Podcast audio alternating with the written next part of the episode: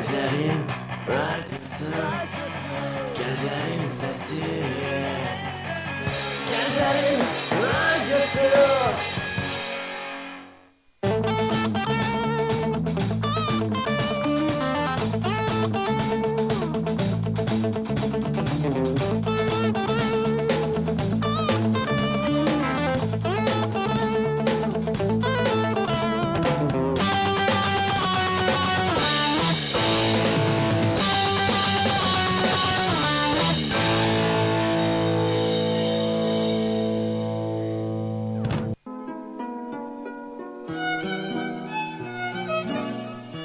Ramazan ayında Ramazan söhbətləri. Həftənin cümə günü 20:00-da. GS FM-dən.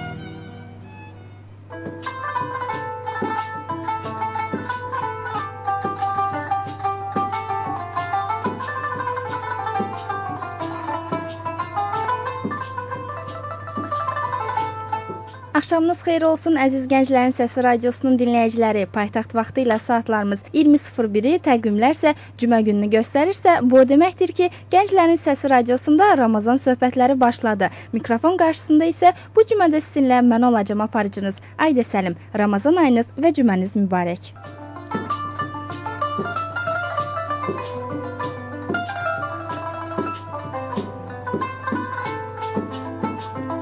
Əziz dinləyicilərimiz, bu gün də sizinlə və qonağımızla müzakirə edəcəyimiz maraqlı bir mövzumuz var. İlk olaraq icazənizlə mövzumuzu sizə təqdim edim. Bu gün İslam dinində əxlaq və tərbiyə anlayışı haqqında danışacağıq. Mövzu ilə əlaqəli e, sizi də maraqlandıran hər hansı bir sual varsa, yazın fikirlərinizi səsləndirəcəm. Qonağımız da təbii ki, cavablandıracaq. Fikirlərinizi isə hər zaman olduğu kimi Gənclərin Səs Radiosunun həm Facebook, həm də Twitter ünvanına yaza bilərsiniz. @csrfm yazmaqla Twitterdə bizi işarələyirsiniz və fikirlərinizi bizimlə bölüşürsünüz. Qonağımız Qonağımıza gəldikdə isə bugünkü qonağım ilahiyyatçı yazar Oqtay Quliyevdir. Oqtay bəy, xoş gəlmisiniz. Çox sağ olun. Ramazan ayınız və cüməniz mübarək olsun Oqtay bəy. Sizinlə bahəm birlikdə. Və Oqtay bəy, icazənizlə söhbətimizə keçid almadan əvvəl bizim e, Ramazan söhbətləri verilişimizin e, bir rubrikası vardır, günün hədisi adlanır və efir e, ərzində ilk olaraq təbii ki, mövzu ilə uyğun olaraq İslam peyğəmbərindən bir hədis səsləndiririk. İcazənizlə ilk olaraq hədisimi səsləndirim, daha sonra isə söhbətimizə Buyurun. keçid alacağıq. Buyurun.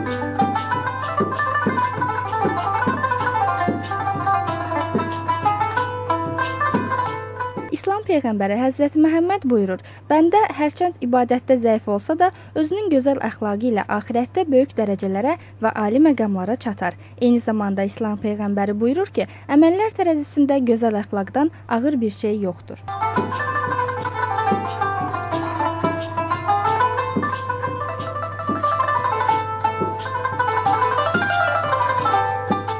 Və əziz dinləyicilərimiz artıq e, söhbətimizə, müzakirəmizə başlayırıq və Oqtay bəy elə ilk olaraq e, din və əxlaq haqqında danışmaq istərdim. Ümumiyyətlə e, din və əxlaq bu iki anlamı birləşdirən nələrdir və İslam dinində əxlaq dedikdə nələr nəzərdə tutulur? İlk olaraq bu haqqda fikirlərinizi öyrənmək istərdim. Bismillahirrahmanirrahim. Hamınızı bir daha salamlayıram və əziz dinləyiciləri də salamlayıram və tutduqları orucların qəbul olmasını Allahdan diləyirəm. İlk olaraq qeyd edək ki, ümumiyyətlə əxlaq sözünün mənasına diqqət etdikdə xülq e, xülqlərin cəmi, yəni cəm formasındadır. Yəni gözəl xislətlər, gözəl xüsusiyyətlər. Ümumiyyətlə e, əxlaq e, belə deyək də vacib bir məsələdir. Həm cəmiyyət üçün, həm fərdi, həm ictimai cəhətdən. Bizim dinimizdə o qədər əxlaqa, əxlaqın gözəllikləri haqqında həm ayə, həm hədislər var. Elə götürək Həzrəti Peyğəmbərimizin çox e, gözəl sifarişləri var bu haqqda ki, e, onlardan biri bu budur ki, buyurur: "Aranızdan ən çox sevdiklərim və qiyamət günündə mənə ən yaxın olanınız əxlaqı ən gözəl olanlarınızdır.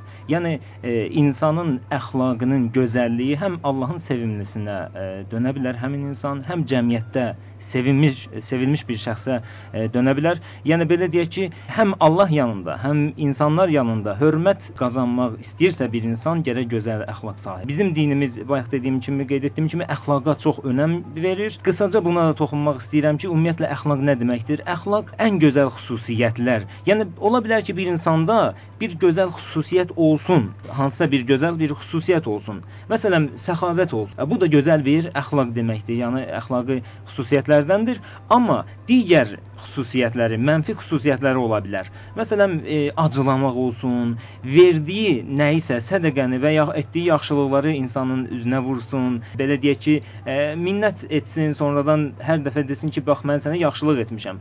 Artıq bu gözəl əxlaq sayılmaz. Əxlaq ümumiyyətlə bütün gözəl xüsusiyyətləri özündə cəmləmək deməkdir. İslam həmişə insanlara buna tövsiyə edir. Baxın, ədalət. Ədalətin özü də, ədalətli olmağın özü də e, əxlaqlı əxlaq deməkdir. Ümumiyyətlə əhdə sədaqətlilik, bu da bir əxlaq deməkdir. İnsanları bağışlamaq, yəni insanları e, keçəcək etmək. Biri səhv edib, xəta edib sənə qarşı, onu gərək güzəşt edəsən. Bu da gözəl əxlaqdandır. Ailədə, e, dostlar arasında e, hər birimizin xətamız var, səhvimiz var. Onların etdiyi o günahları, səhvi biz bağışlaya bağışlamağı bacarmalıyıq. Bu da ən gözəl əxlaqdan sayılır. Buna da böyük e, çoxlu tövsiyələr edilmişdir. E, ümumiyyətlə düzgünlük, düzgünlük, sadiqlik e, İslam termini ilə desək, e, bu da əxlaqın ən gözəl xüsusiyyətlərindəndir. Ata-anaya itaat etmək e, ən vacibi məsələlərdən biri sayılır İslamda və e, gözəl əxlaqdır bu. Yəni ata-anaya bir insan əgər e, ola bilər var-dövlət sahibi olsun, ola bilər hər bir vəzifədə olsun, amma əgər ata-anası ilə yaxşı rəftar etməzsə, e, bu əxlaqsız sayılacaq. Yəni biz əxlaqsız deyil deyəndə cəmiyyətdə başqa bir e, nəzərimizə gəlməməlidir başqa bir şey. Elə ata-anaya belə deyək ki, bəd rəftar etmək, pis rəftar etmək, ata-ananın sözünə bax, baxmamaq, ümumiyyətlə e, onlara acı davranmaq özü böyük bir əxlaqsızlıq deməkdir. Və yaxud da ailədə, ailədə acı davranmaq, məsələn, e, hə, hər dəqiqə bir bir şey qab düşdü sındısa əgər, evdə ailənin xanımı əgər danlayacaqsansa bu əxlaqsızlığın bir növü sayılır əslində. Yəni onun da bir yolları var. O e, burada əxlaqsız, yəni belə deyək ki, orada danlamağın, tənbih etməyin, təhqir etməyin qətiyyən e, yeri yoxdur. Qonşulara ehtiram bizim dinimizin göstərişlərindəndir və əxlaqi səciyyələrdəndir bu da və sevgi. Sevginin özü böyük bir əxlaqi xüsusiyyətdir hər kəsdə olmalıdır və hər kəsə qarşı olmalıdır. İstər ailəyə qarşı, istər ata-anaya, valideynə qarşı, istər övlada qarşı, istər qonşuya qarşı, istər dosta qarşı konkret olaraq sevgi göstərilməlidir. Bu da əxlaqın gözəl xüsusiyyətlərindəndir. Yəni belə deyək ki, mən bu sadaladığım və onlarca belə bir xüsusiyyətlər var ki, gözəl əxlaq sayılırlar. Bunların e, belə deyək ki, hamını çalışmaq lazımdır, birləşdirək özümüzdə. Yəni e, biri olsun digərləri olmasın. Məsələn, bəziləri ola bilər ki, hər hansı bir xüsusiyyəti ilə yaxşı müsbət xüsusiyyəti ilə özünü -hı. Və özünü əxlaqlı kimi göstərsin.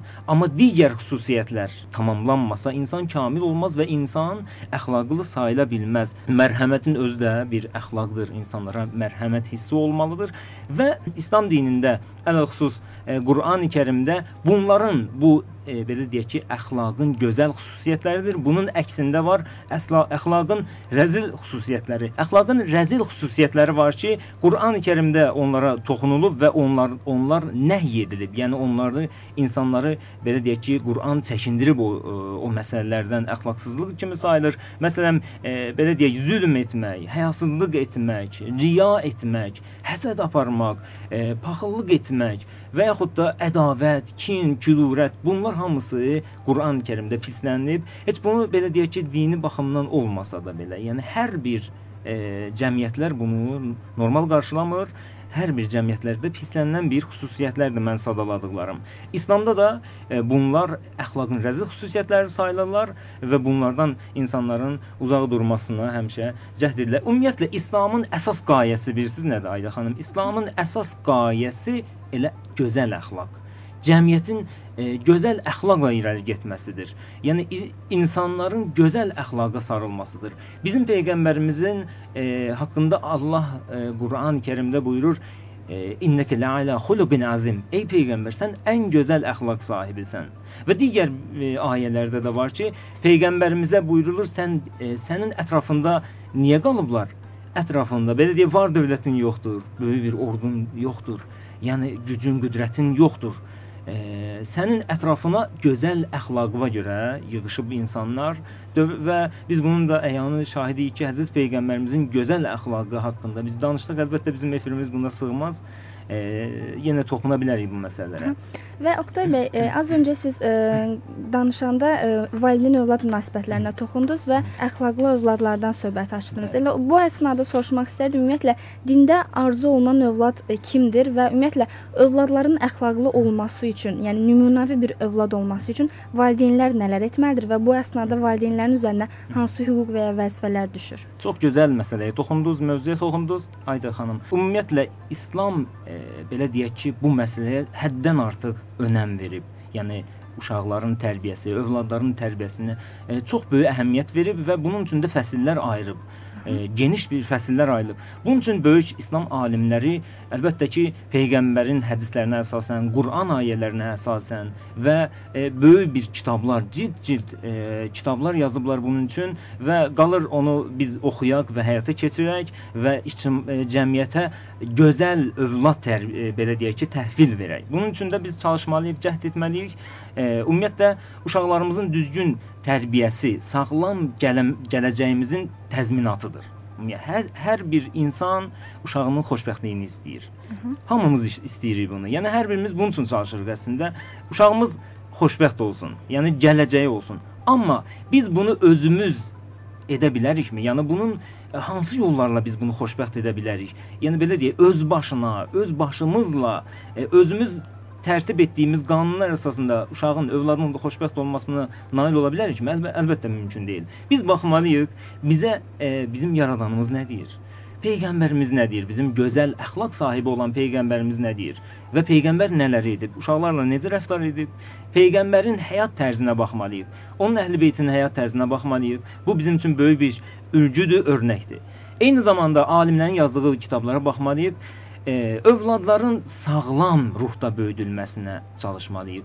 Övladların həm e, belə deyək fizioloji cəhətdən sağlam, həm də ruhi cəhətdən sağlam böyütməsi üçün çalışmalıyıq. Ümumiyyətlə e, tərbiyə uşağın şəxsiyyətinin formalaşmasında e, cəmiyyətə yararlı e, olmasında, ümumiyyətlə biz buna ən çox buna çalışmalıyıq ki, gözəl bir əxlaqi səciyyələrə malik və bu xüsusda formalaşmış bir övlad e, belə deyək ki, tərbiyə verib cəmiyyətə təhvil verməliyik. İslam hər birimizdən bunu istəyir və bunun üçün də müəyyən qanunlar tərtib edib. Digər məktəblərdə, digər belə deyək ki, sistemlərdə olduğu kimi hər bir sistemdə uşaqlara tərbiyə usulları var, göstərilir. Amma biz İslam'a baxaq. İslam bunun üçün nə deyir? İslamda e, bunun üçün e, hansı yollar var? Əlbəttə, e, bundan da bir neçəsini sayacağam inşallah. E, uşağı həvəsləndirmək. Aha. Bax tərbiyədə ilk e, öndə duran məsələlərdən biri uşağı həvəsləndirmək lazımdır. Həvəsdən salmamaq lazımdır. Uşaq xoş bir, gözəl bir iş görərsə, uşağı həvəsləndirmək. İlk növbədə bu gün artıq uşağın belə deyək ki, həvəsləndirmədən, uşaqda maraq oyatmadan təlim və tərbiyə etməyin mümkün olmadığını e, bütün dünya təcrübəçiləri və belə deyək ki, pedaqoqları hamısı bunun şahidi olublar. Yəni e, bir nailiyyət əldə edə bilməyiblər. Yalnız bunu tövsiyə ediblər. İslam da bunu tövsiyə edir ki, uşaqların e, belə deyək ki, həvəsləndirilməsi lazımdır. Həm əməldə, həm sözdə. Bu əsas məsələdir ki, həm əməli cəhətdən, həm sözdə biz uşaqları e, həvəsləndirməliyik, göz, gördüyü gözəl bir işlərə. Amma həddi aşmamalıyıq, həddən artıq tərif etməməliyik. Buna da biz e, toxunarıq. Uşağı tənbih etmək Aha, cəzalandırmaqla. Amma burada əlbəttə ki, incəliklər var. E, biz fiziki işgəncədən əlbəttə söhbət e, açmırıq biz. Əlbəttə onu döymək, uşağı döymək bizim el aramızda da belə bir söz gəzir ki, uşağı çox döyərsən sırtıq olar. Həqiqətən də bu belədir. Yəni uşağı döymək bu düzgün yol deyil. Yəni onun tərbiyəsində düzgün yol deyil. E, tənbih e, müxtəlif yollarla olur əlbəttə. İslam dinində uşağı cəzalandırmaq üçün küsmək. Məsələn, valideyn ondan biraz üz döndərir, küsür az müddətdə. Küsür. Yəni uşaq hiss, hiss etsin ki, bunun etdiyi iş yaxşı deyil. Bax məndən xoşları gəlmədi. Yəni döyməyə ehtiyac yoxdur. E, və yaxud da danlamaq, az e, bir e, belə deyək ki, mötədil olaraq danlamaq ehtiyac duyulur. Azacıq əsəbləşmək. Yəni həddən artıq olmadan azacıq əsəbləşməyin faydaları olur əlbəttə. Hədiyyə almamaq. Məsələn, e, söz verirsən bir hədiyyə alacaqsan, amma hər hansı bir xilaf iş görərsə, deyirsən ki, "Bə- daha mən sənə o hədiyyəni almayacağam. Və bu da ona təsir qoyur öz xilaf işini, yəni xətasını düzəltsin, səhvini düzəltsin, təkrar etməsin gələcək. Və bu kimi e, çox məsələlər var. Uşağa məhəbbət göstərmək, tərbiyə üsullarından ən başda duranı uşağa məhəbbət göstərmək. Biz təs təəssüf hissi ilə qeyd etməliyik ki, cəmiyyətimizdə e, çox acınacaqlı bir hallar görürük biz. Uşaqlarla e, bəd rəftarlıq görürük biz. Uşaqlarla acı rəftar edirlər. Mən dəfələrlə görmüşəm ki, uşağı elə bir e, necə deyim, çox pis vəziyyətdə döyürlər. Çox artıq bu gün sosial e, mediada da, sosial belə deyək, şəbəkələrdə də artıq biz bunun şahidi oluruq. Müxtəlif şəkillər, e, fotolar yayılır uşağın işgəncəyə məruz qalması özü də e, həd, e, hətta bu ata-ana tərəfindən edilir. E, bu tərbiyə üsulu deyil. Bu sadəcə belə deyək, həmin ata-ananın e, psixoloji durumunda problem var. Yəni uşaqla davrana bilmir. Həmin uşaq da istər-istəməz bayaq dediyimiz kimi sırtıqlaşır. Yəni e, yenə də hə- həmin o səhvlərini təkrar etməyə. Amma uşağa məhəbbət göstərilməlidir. Bəzən olur ki, e, cəza vermək əvəzinə ona məhəbbət göstərilsə, e, gözəl tər, belə deyək ki, gözəl sözlərlə onu biz e, döndərə bilərik o işindən və bir də o təkrar etməyəcək. Bunu e, əlbəttə təcrübələrdə də göstərilib özünü özünü göstərib uşaqları sevmək lazımdır. Onlara mərhəmətlə davranmaq lazımdır. Bu bizim peyğəmbərimizin də hədislərində dönə-dönə təkrar edilib. Uşaqları sev sevgi bəsləmək, uşaqlara məhəbbət bəsləmək. Ümumiyyətlə e, əlbəttə mən istəmirəm haşiyə çıxam. Həzrət peyğəmbərimiz e, bir nəfər qız uşağını öpmədi, oğlan uşağını öpdü. Bu düzdür. Bizim bəlkə də ola bilər mövzumuzdan kənardır, amma toxunum buna yadıma düşmüşkən e, bir nəfər öz oğlunu öpür, amma qızını öpmür. E, Həzrət Peyğəmbər çox əsəbləşir, çox nigaran olur, narahat olur ki, e, bu nə deməkdir? O Allahın nemətidir, rəhmətidir. Sən onu əzizləməlisən, öpməlisən, sevgi göstərməlisən ona. Həyatına küsməsin, yəni so soyuq bir həyat yaşamasın, süst bir həyat yaşamasın. Yəni belə bir hədislərə biz rast gəlirik. E, ümumiyyətlə e, uşa uşaqların əzizlənməsi və ehtiram edilməsi e, bir böyük bir əlbəttə ki mövzudur, bəhsdir, müzakirə mövzusudur. Əlbəttə mən onlardan da bir neçəsində toxunum. E, uşağa salam vermək. Bizim dinimizdə gözəl bir xüsusiyyət var. Həzrət peyğəmbərimizdən yenə örnək götürürük biz. Həzrət peyğəmbərimiz baxmazdı e, qarşıda gələnin ondan yaşda kiçik olmasına. Balaca olsun, böyük olsun, hər kəsə salam verərdi Həzrət Peyğəmbərimiz. Uşaqlara salam verərdi. Onlar bilməzlər salam nə olduğunu, amma uşaqlara salam verərdi. Onlara belə deyək şəxsiyyət verərdi. Onlara önəm verərdi. Onlar özlərində bir şəxsiyyət hiss edərdilər ki, e, böyüklər bizdən böyüklər bizə salam verirlər. Həqiqətən bunun özü böyük bir e, həqiqətən e, işdir. Uşaqlara salam vermək, uşaqları e, belə deyək ki, məclisə bir uşaq məclisə daxil olursa, onun ayağına qalxmaq. Bilirsiniz nə deməkdir bu? Çox gözəl bir əxlaqi xüsusiyyətdir bu həqiqətən. Düzdür, indi biz ola bilər ki, bizlərdə yaşlı nəsil, orta nəsil özlərinə sığışdırmasın bunu. Amma peyğəmbərimiz qızı Fatimə, e, Həzrət Fatimə otağa daxil olardı, evə daxil olanda Həzrət peyğəmbərimiz qalxardı ayağına. Yəni bu qədər gözəl bir ailə olub bizim üçün həqiqətən örnəkdilər bunlar və bizə də dönə-dönə tapşırıqları var. Onların hədislər, rəvayətlər var ki, uşaqlara bax belə sevgi göstərin, belə qayğı göstərin, belə məhəbbət göstərin. E, uşaqların tərbiyəsində belə deyək ki, e, təsirli amillərdən biri də budur ki, xəstələrin ziyarətinə gedərkən uşağı aparmaq bir e, ehtiyaclının ziyarətinə gedərkən, bir xəstənin ziyarətinə gedərkən heç ehtiyacı olmasın. Xəstənin əyadətinə, onun ziyarətinə gedərkən uşaqları da aparmaq lazımdır. Bu gözəl bir xüsusiyyətdir. Bu uşaqlarda da bu yadda qalsın, yadda qalan olsun. Cəmaət e, belə deyək ki, cəmaət namazında uşaqlara da yer vermək. E, təəssüf olsun ki, bəziləri e, uşaqların məscidə getməsindən qorxurlar, qorxuya düşürlər. Və hətta biz Sovet vaxtında çəkilən filmlərə biz diqqət etsək, orada uşaq e, gəlir babasının yanına məscidə daxil olur. Babası çox belə qeyzli bir şəkildə uşağı çıxardır məsciddən bayıra, qışqırır onun başına ki, sən nə üçün var burada? Sən nə gəzirsən burada? Çıx bayıra. Yəni və həmin o məscidin də ab-havasını elə bir fondumada çəkmişdilər ki, insan həqiqətən biz uşaqlıq dövrümüzdə o həmin o kadrlara baxanda, filmlərə baxanda mən həqiqətən həmin məscidləri bir qorxu bir yeri necə deyirlər bir e, qəribə bir e, müşahidə yaddaşımda qalıb da. Şükür olsun Allaha sonradan daha o xatirələrimdə qalmadı. Amma həqiqətən də insanda bir məscidlərə qarşı qorxu hissi yaradırlar. Halbuki bu gün e, çox şükürlər olsun Allaha ki, məscidlər Allahın evləridir. Aram mənbələridir, huzur mənbələridir. Azərbaycanda da dövlət tərəfindən də məscidlər bu gün bərpa edilir, təmir edilir əsaslı şəkildə yeni-yeni məscidlər istifadəyə verilir və baxırsınız insan həqiqətən də istirahət edir o məscidlərdə. Ürəyi açılır o məsələ. Uşaqları da aparmaq lazımdır. Qoy onlar orada oynasınlar, atılıb düşsünlər və heç kim də kənardan onlara mane olmasın. Deməsin ki, biz namaz qılırıq, ibadət edirik, bizə mane olurlar bu uşaqlar. Xeyr. Uşaq hətta şərait yaratmaq lazımdır. Uşaq gəlsin, namaz əsnasında insanla oynasın. Bəziləri bundan da qorxurlar. Amma uşaq alışmalıdır bu mühitə. Uşaq mənəviyyatla böyüməlidir. Uşaq çiyinlər insan çıxsın namaz əsnasında, belinə çıxsın. Çox xoş bir mənzərədir həqiqətən bunlar. Həqiqətən çox xoş mənzərədir. Amma yenə də deyirəm, bəziləri qorxurlar bundan ki, namazları batil olar. Xeyr, heç bir namaza bir ziyanı gətirmir. Namazın xələl gətirmir.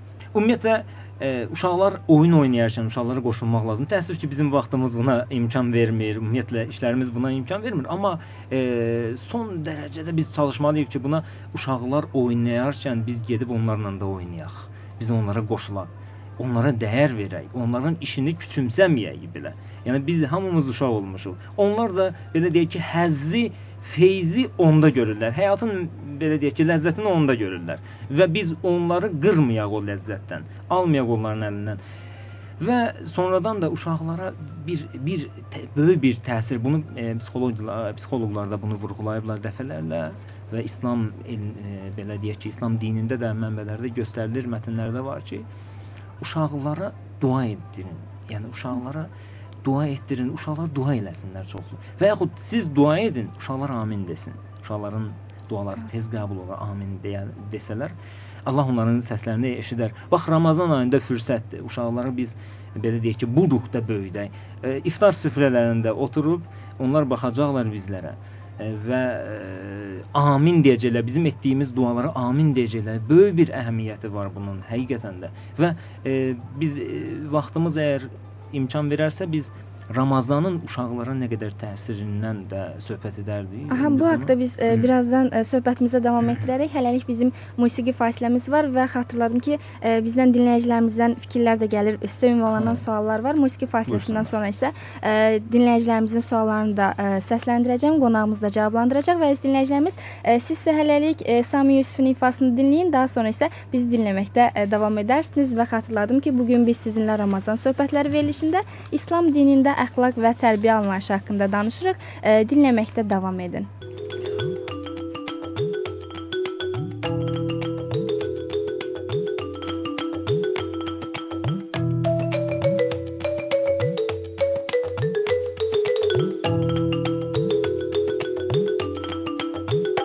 Truly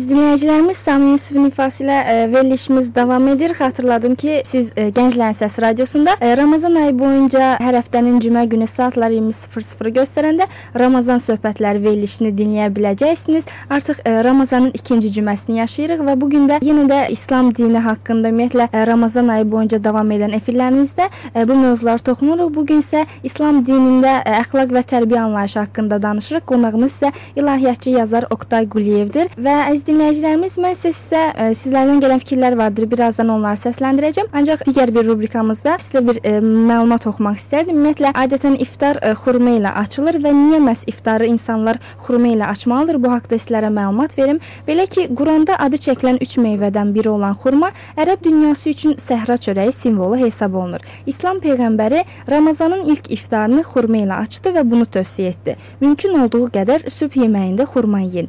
Təbii şirniyyat olan xurma insana güc verir, böyrək, ürək, qaraciyəri möhkəmləndirir. Bağırsaqlarda faydalı bakteriyaların inkişafına yardım edir. Quru xurmada 70% şəkər olur ki, bu da istənilən meyvədən çoxdur. Ümumiyyətlə xurmanın tərkibinə nəzər salsaq, şəkər, zulal, karbohidrat, dəmir, maqnezium, fosfor və digər vitaminlərin olduğunu görərik. Orucun su və xurma ilə açılması isə saatlarla ac olan beyin, mədə və bağırsaqların hazırlanması, özünə gəlməsi üçün ən ideal variantdır. Məhz xurma bağırsaqları ümumilikdə isə selikli qişanı iftar zamanı yemək qəbuluna hazırlayır, normal fəaliyyətə kömək edir. Xurma damarları yumşaldır, sinir hüceyrələrini lazım olan qlükoz ilə təmin edir və eyni zamanda qeyd edə bilərik ki, xurma antioksidantdır. Belə ki, bu da xərçəng hüceyrələrinə qarşı müdafiə qabiliyyətini də insan orqanizmində artırır və insan ac olarkən dili üzərində, ağız boşluğunda, mədə yolu və bağırsaq qişasında bakteriya do bakteriya dolu ərf yaranır və bu zaman isə orqanizm təmizlənir.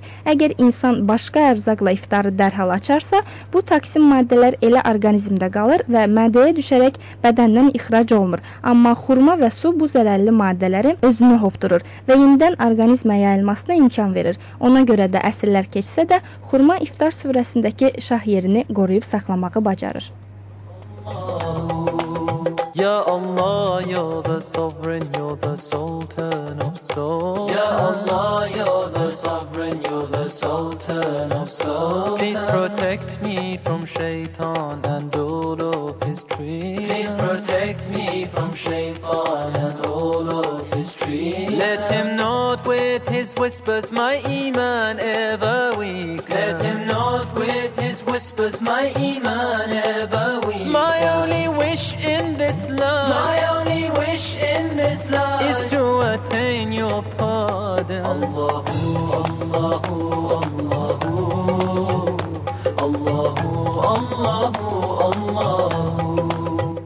dinləyicilərimiz, yeni qoşulan dinləyicilərimiz varsa onları da salamlayıram və qeyd edim ki, GSR FM-də hər həftənin cümə günü saatlar 20:00-da Ramazan ayı boyunca ə, davam edən ə, Ramazan söhbətləri verilişini dinləyirsiniz. Bu gün biz İslam dinində əxlaq və tərbiyə anlayışına, ümumiyyətlə valideyn-övlad münasibətlərinə ə, toxunuruq və sizlərdən gələn fikirlər vardır. İcazənizlə onları səsləndirim. Ə, Gülnar Xıdırova adlı dinləyicimizin sualı var Oktay bəy sizə. İcazənizlə onu səsləndirim və cavablandırardıq. Ə, Gülnar yazıb ki, salam Ayda xanım, qonağınızı da salamlayıram. Təşəkkürlər Gülnar, biz də sizi salamlayırıq və sizə bir çox sağ olun. Sizə də bir sualım var. İnsan özünün nəfsi tərbiyəsini necə edə bilər? İki sual var. İlk olaraq bu sualı cavablandıraq. Ümumiyyətlə insan özünün nəfsi tərbiyəsini necə edə bilər? Əvvəla onu qeyd edək ki, nəfsin istəkləri və onunla necə rəftar e, mühüm tərbiyə məsələlərindəndir. Ki bunun haqqında müxtəlif nəzərlər söylənmişdir. Biz e, belə deyək də qısa toxunaq bu məsələyə. Elə fürsət var ikən Ramazan ayında e, Ramazan ayı ümumiyyətlə insanı yetişdirmə bir proqrama malikdir. Yəni Ramazan ayı insanları e, belə deyək yetişdirilməsi üçün e, bir proqram bir proqramdır və nəfsin belə deyək ki, e, cilovlanması üçün bir yardımçı, bir köməkçi bir e, proqrama malikdir. Yəni Ramazan ayında gözəl xüsusiyyətlər var. Ümumiyyətlə e, mən çalışacağam çox qısa e, toxunum bunlara. Hə? Nəfsin öldürülməsi deyirlər bəzən. Bu yanlış bir fikirdir. Nəfsi öldürmək olmaz. Allah insana nəfsi verib, o nəfs olmasaydı biz belə deyək, nə yeməzdik, nə belə halal qidalardan içməzdik, nə belə deyək, nəslin artımı olmazdı. Yəni nəfsin öldürülməsi doğru fikir deyil, yanlış fikirdir. Və heç bir dini mənbələrdə də gö göstərilməyib ki, nəfsinizi öldürün, nəfsinizi belə deyək ki, vurun öldürün. Xeyr nəfsi cilovlamaq buyurulub. Nəfsi e, belə deyək ki, e, mötədil, e, orta həddə gözləmək, nə ifrata varılmamalıdır, nə təfritə varılmamalıdır. Ümumiyyətlə e, nəfs e, Birisi nəyə bənzədilir? Alimlər bunu Hindistandan gəlmiş bir filə bənzədirlər. Mən belə bir misal çəkim. Aha. Hindistandan gəlmiş bir fil. Fil əgər e, onun başı üzərində ona belə deyək ki, qamçı vuran olmasa, e, buraxılsa başlı başına Hindistan yadına düşəcək. Çağırılacaq getsin Hindistana. Yəni insanın nəfsi də belədir. Nəfs əgər qamçılanmasa, nəfs əgər tərbiyələndirilməsə, insanın başına bəla olacaq. Yəni müxtəlif e, problemlər, həyati problemlər, müxtəlif bəlalar, müxtəlif çətinliklər insanın başına gəlir nəfsin ucbatından. Yəni baxın, tamaq da nəfsdən irəli gəlir. E, ədalətsizlik bayaq saydığımız, e, bunlar da e, nəfsdən irəli gələn bir şeylərdir. Ümumiyyətlə insanların nöqsanını tutmaq, qeybət etmək, böhtan etmək, böhtan atmaq ümumiyyətlə və yaxud digər xilaf işlər, günah işlər görmək ki var, bunlar nəfsi öz başına buraxmışıq, ona görə belədir. Amma nəfsi biz cilovlasaq, nəfs özü özlüyündə insanın belə deyək, stimul verir, insana e, belə deyək, hə, motor kimi bir şeydir. Yəni mühərrikdir. Nəfs insanın yaşaması üçün lazımdır. Yəni e, insan belə deyirəm, qidalanır, yeyir, içir, Allahın gözəl nemətlərindən istifadə edir. Digər nemətlər ki var, sadalamıram. Bunlardan nəfsin vasitəsilə istifadə edir. Nəfs nəfsi ağıl vasitəsilə biz cilovlamalıyıq. İmkan verməməliyik. Özümüzlə necə mübarizə aparmalıyıq? Bu Ramazan ayı bizə bizə bir fürsətdir. E, nəfsimizi belə deyək, belə deyək də, e, nəfsimizi mən bayaq dediyim kimi cilovlamalıyıq və cilovlamaq nə, necə nəzərdə tutulur? Məsələn, nəfsimiz çox yemək istəyir bizdən. Çox yemək tibbi cəhətdən də iradlıdır, dini cəhətdən də məşruhdur, yəni iradlıdır. E, həm tibbi cəhətdən e, belə deyək ki, öz təsdiqini tapıb ki, çox yeməklərin ziyanı var. Eyni zamanda dini cəhətdən də baxımdan da çox yeməyin ziyanları sadalanıbdır. Peyğəmbərimiz buyurur ki, e, doymadan süfrədən əlinizi çəkin və yaxud acmadan süfrəyə oturmayın. Bax bu cür tövsiyələr vardır. E, nəfsimiz amma nə istəyir bizdən? Çox yeməyi. Kim əgər nəfsinin qulu olursa, əgər onu cilovlamırsa, çox yeyir və təbii ki, xəstəliklər də baş alıb gedir, artıq piydən əziyyət çəkir və s. Və digər məsələlər var. Tez varlanmaq istəyi. İnsan istəyir ki, tez varlansın. Amma ağıl bizə nə deyir? Ağıl bunun mümkün olmadığını deyir. Yəni halal yolla, e, ədalətli yolla insanların haqqını tapdamadan əgər bu e, varlanmaq istəyirsənsə, bu biraz gec başa gələndir. E, ağır başa gələndir. Biz ağlın sözünə qulaq asmırıq, nəfsimizin sözünə qulaq asırıq. Müxtəlif yollarla biz istəyirik tez varlanaq. Biz bunun qarşısını almalıyıq, sədd çəkməliyik bunun qarşısında. Nəfsimizlə mübarizə aparmalıyıq. Əsl qəhrəmanlıq da nəfslə mübarizədə qələbə çalanı deyərlər. Həzrət Peyğəmbərimiz e, gördü ki, bir nəfər e, yarışda iştirak edib və qələbə çalıb. Qəhrəman deyirlər ona, alqışlayırlar. Həzrət Peyğəmbərimiz gəldi, onu təbrik etdi. Təbrik etdi və e, alqışladı, amma sonunda buyurdu ki, əsl qəhrəmanlıq, bu da qəhrəmanlıqdır, amma əsl qəhrəmanlıq, e, əsl igidlik nəfsini ayağının altında qoyandır. Yəni öldürməyən, ayağının altında qoyub saxlayıb onu, belə qaçmasın da belə deyək. Özü e, amma öldürmə, öldürməmək şərti ilə. Bunu da mən öz e, qeyd edim öz yerində. Ramazan ayı baxın nəfslə mübarizənin belə deyək ki, e, yenə də deyirəm bir e, fürsət yaranıb bizlər üçün e, bütün günü, bax 17 saat təqribən biz susuz qalırıq, ac qalırıq. Hətta haramlardan yox, halal nemətlərdən, Allahın buyurduğu halal nemətlərdən də biz çəkinirik. Bu da nəfslə mübarizə e, deməkdir və cihad deməkdir. Bu ən böyük cihadlardan sayılır. Mən deyərdim, ən böyük cihadlardan sayılır. Təbii ki, dini mənbələrə əsasən e, oruç tutmaq bir cihaddır. Mən Həzrət Peyğəmbərin bir hədisini buyurum və o xanıma da cavab olsun. e, Peyğəmbərimizdən gözəl bir hədis var. Buyurur: "Ey insanlar, sizlər hamınız xəstə mislindəsiniz. Yəni xəstə misalındasınız. Bütün aləmlərin yaradanı Allah isə həkim mislindədir, məsəlindədir. Xəstənin xeyri nədədir? Öz istəklərinə, yəni nəfsinin istəklərinə əməl etməsindədir, yoxsa həkimin göstərişlərinə əməl etməsindədir? Təbii ki, əgər bir həkim bir xəstəyə müayinə edir və e, bir nüsxə yazır, e, müalicə yazır, deyir ki, get filan dərmanları qəbul et ginən və s. filan ampullardan istifadə et, filan yeməklərdən istifadə etmə, pəhriz saxla və s. göstəriş edir. İndi biz e, xəstə olaraq gedək həmin o nüsxəni cıraq ataq kənara. Deyək ki, əşi özü üçün deyir də həkim, mən necə istəyirəm elə yeyəcəm. Biz sağala bilərikmi? Təbii ki, sağalmayacaq xəstəliyimiz daha da şiddətlənəcək. Amma biz həkimin dediyinə qulaq asmalıyıq. İndi peyğəmbərimiz buyurur ki, bütün aləmlərin yaradanı olan Allah həkim kimidir. Yəni ən böyük həkimdir. Həkim bizlər üçün bizim dərdimizi bilir, bizim yaradanımızdır və bizim e, hansı zəif nöqtələrimizi bilir. Bizim nə xeyrimizə var, onları gözəl bilir. Bizim ziyanımıza olanları da gözəl bilir. E, Allah bizə buyurur ki, filan bir şeydən çəkin. Filan şeyi yemə, filan şeyi ye. Bəzən görsən ki, Ramazan ayında halal qidalardan da istifadə etmə deyir. Bunların hamının hikməti var. Biz gərək Allahın o göstərişlərinə e, belə deyək ki, e, nə üçün olmadan, niyə olmadan, təbii ki, o öz yerində araşdırma başqa bir şeydir, öz yerində, amma biz tabe olmalıyıq, itaat etməliyik. Çünki Allah bizim yaradanımızdır, çox gözəl bizi bilir. Bizim də xeyrimiz ən böyük həkim olan Allahın göstərişlərinə tabe olmaqdır. Bizim nəfsimiz onda nicat tapacaq, özümüz də onda nicat tapacağıq. Təşəkkür edirəm Oqtay bəy. Yəqin ki, Gülnar xanım da sualına cavab tapmış oldu və verilişimizin bitməyinə çox az qalıb və icazənizlə bizim e, son rubrikamız vardır, iftar menyusu. Bizi dinləyərək ola bilsin ki, hələ də iftar süfrələrini hazırlaya bilməyən dinləyicilərimiz var. Onlar üçün biz e, tez hazırlanan yemək resepti səsləndiririk və daha sonra isə elə Gülnarın digər bir sual var. Onun sualını isə səsləndirəcəm və efirimizdə sonlandıracağıq. Və əziz dostlar, e, bu gün iftar menyusu rubrikasında sizlərə e, tez hazırlanan kartof kotletinin reseptini bölüşmək istərdim. Belə ki, e, bunun üçün bizə lazım olan ərzaqlar bunlardır. 12-13 ədəd kartof, 2 ədəd yumurta, yağ, un, zövqə görə duz, istiot. İndi isə yeməyimizi hazırlamağa başlaya bilərik. Belə ki, kartofun qabığını soyub, yuyur, üzərinə su əlavə edərək onu bişməyə qoyuruq. Tam bişdikdən sonra isə təxminən 45 dəqiqə sonra sudan çıxarıb əzirik və üzərinə duz, istiot, yumurta yumurta və un töküb yaxşı qarışdırırıq. Daha sonra isə tavaya yağ əlavə edib qızdırırıq.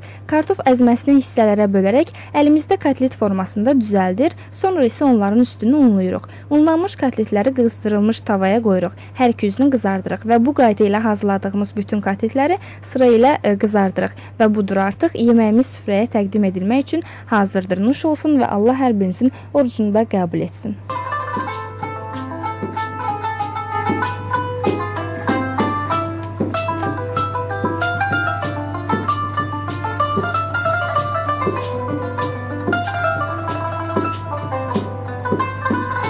Və Oqtay bəy, verilişimizin bitməsinə son 6 dəqiqə qalıb. Son olaraq isə ə, e, dinləyicimizin digər sualını cavablandıraq. Belə ki, ə, e, Gülnar yazıb bir də zəhmət olmasa qonağımızdan soruşardınız ki, əgər övlad hicab bağlamaq istəyirsə və valideyn buna icazə vermirsə, onda övlad nə etməlidir? Ə, əslində bizim dinimizin göstərişlərindəndir ki, xanım ə, həddi buluğa ə, yetkəndən sonra, çatandan sonra, ə, müəyyən yaş həddindən sonra bütün qızlar, xanımlar bağlanmalıdır. Baş örtüsü ilə bağlanmalıdır. Bu Allahın bir əmridir. E, yad e, belə deyək baxışlardan qorunmaq üçün, pis baxışlardan qorunmaq üçün, ümumiyyətlə qadın bir e, belə deyək ki, bir xəzinədir. Hər kəs öz xəzinəsini gizlədir. Qızılı neyniyərlər evdə? Atmazlar ki, ortalığa düzdürmü? Onu gizlədərlər. E, cəmaat yad baxışlar görməsinlər, oğruyarlar qadın, xanım İslam dinində o qədər dəyərlidir ki, yəni hətta kişinin zinəti sayılır. Kişinin örtüyü sayılır. Qadın zinət sayılır və qızıl sayılır, qızıldan qiymətli sayılır. Biz bu qızıldan qiymətli varlığımızı qorumalıyıq. Yad baxışlardan, pis baxışlardan qorumalıyıq. Onun üçün də onun müəyyən yerlər var ki, örtülməlidir. Bu Allahın göstərişidir. Yəni cəmaət baxıb üzr istəyirəm, həzz almamalıdır. İfadəmi görə üzr istəyirəm, daha açıq danışdım.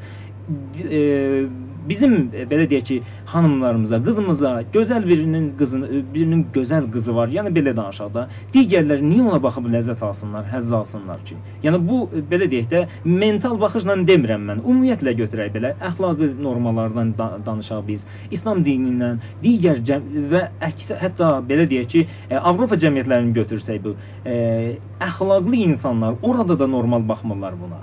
Düzdür, onlar e, belə deyək ki, e, Russellin qaydası ilə, qanunları ilə, Freydin belə deyək ki, qanunları ilə yoğrulublar onlar, amma yenə də deyək ki, insafən və fitrətən, vicdan e, əgər sorğusu keçirsək, biz onlar da onu qəbul etməyəcəyik. Yad baxışlar baxmamalıdır əslində. E, belə deyək, üzr istəyirəm. Yəni Allah bunu zinət e, olaraq göstərib. Biz bunu gizlətməliyik. Yad baxışlardan gizlətməliyik. Və e, valideyn də bunu dərk etməlidir ki, mənim qızım qiymətli bir e, varlıqdır. Allahın şah əsərindən sayılır. Mən bunu belə deyək ki, hamıya nümayiş etdirməməliyəm. Nümayişə çıxartmamalıyam mən bunu. Bunun bir sahibi olacaq gələcəkdə.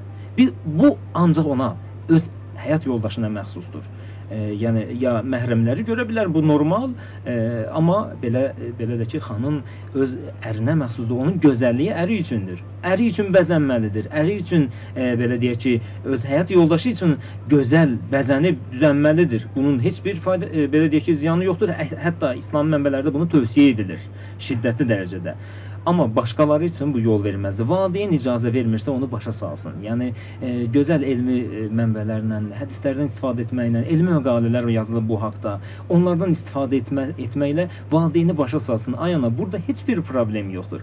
Və ana, ata, valideyn əgər bunun mahiyyətini bilsə, mən inanmıram ki, onlar e, razı olarlar, razı olmazlar ki, bu yəni başörtüsündən istifadə etsin. Yəni onlar onun mahiyyətini bilmədiklərinə görə buna razı deyillər. Aha. Evet, çox üzr istəyirəm. Siz bayaq ə, digər cəmiyyətlərdən misal göstərdiniz ki, onlar artıq ə, freydizm və digər ə, belə deyək də nəzəriyyənin qanunları ilə yaşamış cəmiyyətlərdir. Ə, mənə maraqlı olan bilirsiniz nədir? Bəzən ə, biz çox ə, daha çox cəmiyyətdə belə deyək də qadınların üzərinə çox düşülür ki, qapanmalıdır qeyd etdiyiniz kimi. Bəs niyə hər zaman ə, xüsusilə qadınların üzərinə düşünür? Qadın ə, normal geyinsə də bəzən olur ki, kişilər ona baxır düşüncədən asılı deyilmi? Yəni insan gözəl düşüncəli olarsa, ə, normal geyinənə də baxmaz, qapalı geyinənə də baxmaz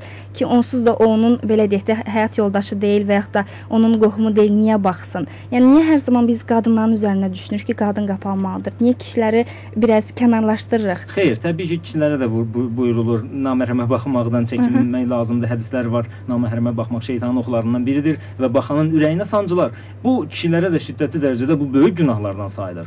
Amma eyni zamanda qadınlar daha məsuliyyətli olmalıdırlar. Niyə? Çünki qadın bunu edir. Qadın kişiləri cəlb edə bilər. Ümumiyyətlə belə deyək ki, psixoloji cəhətdən baxsaq, yanaşsaq məsələyə, kişilər e, belə deyək ki, subay insanların nə qədər əziyyətə e, gəlib çıxmasına səbəb olur bu. Yəni belə deyək ki, gözəl bir xanım, yəni açıq danışıq, gözəl bir xanım bəzənir və çıxır e, küçəyə. E, subay insanlar baxırlar onlara. E, belə deyək ki, o xəyallarında, düşüncələrində problem yaranır.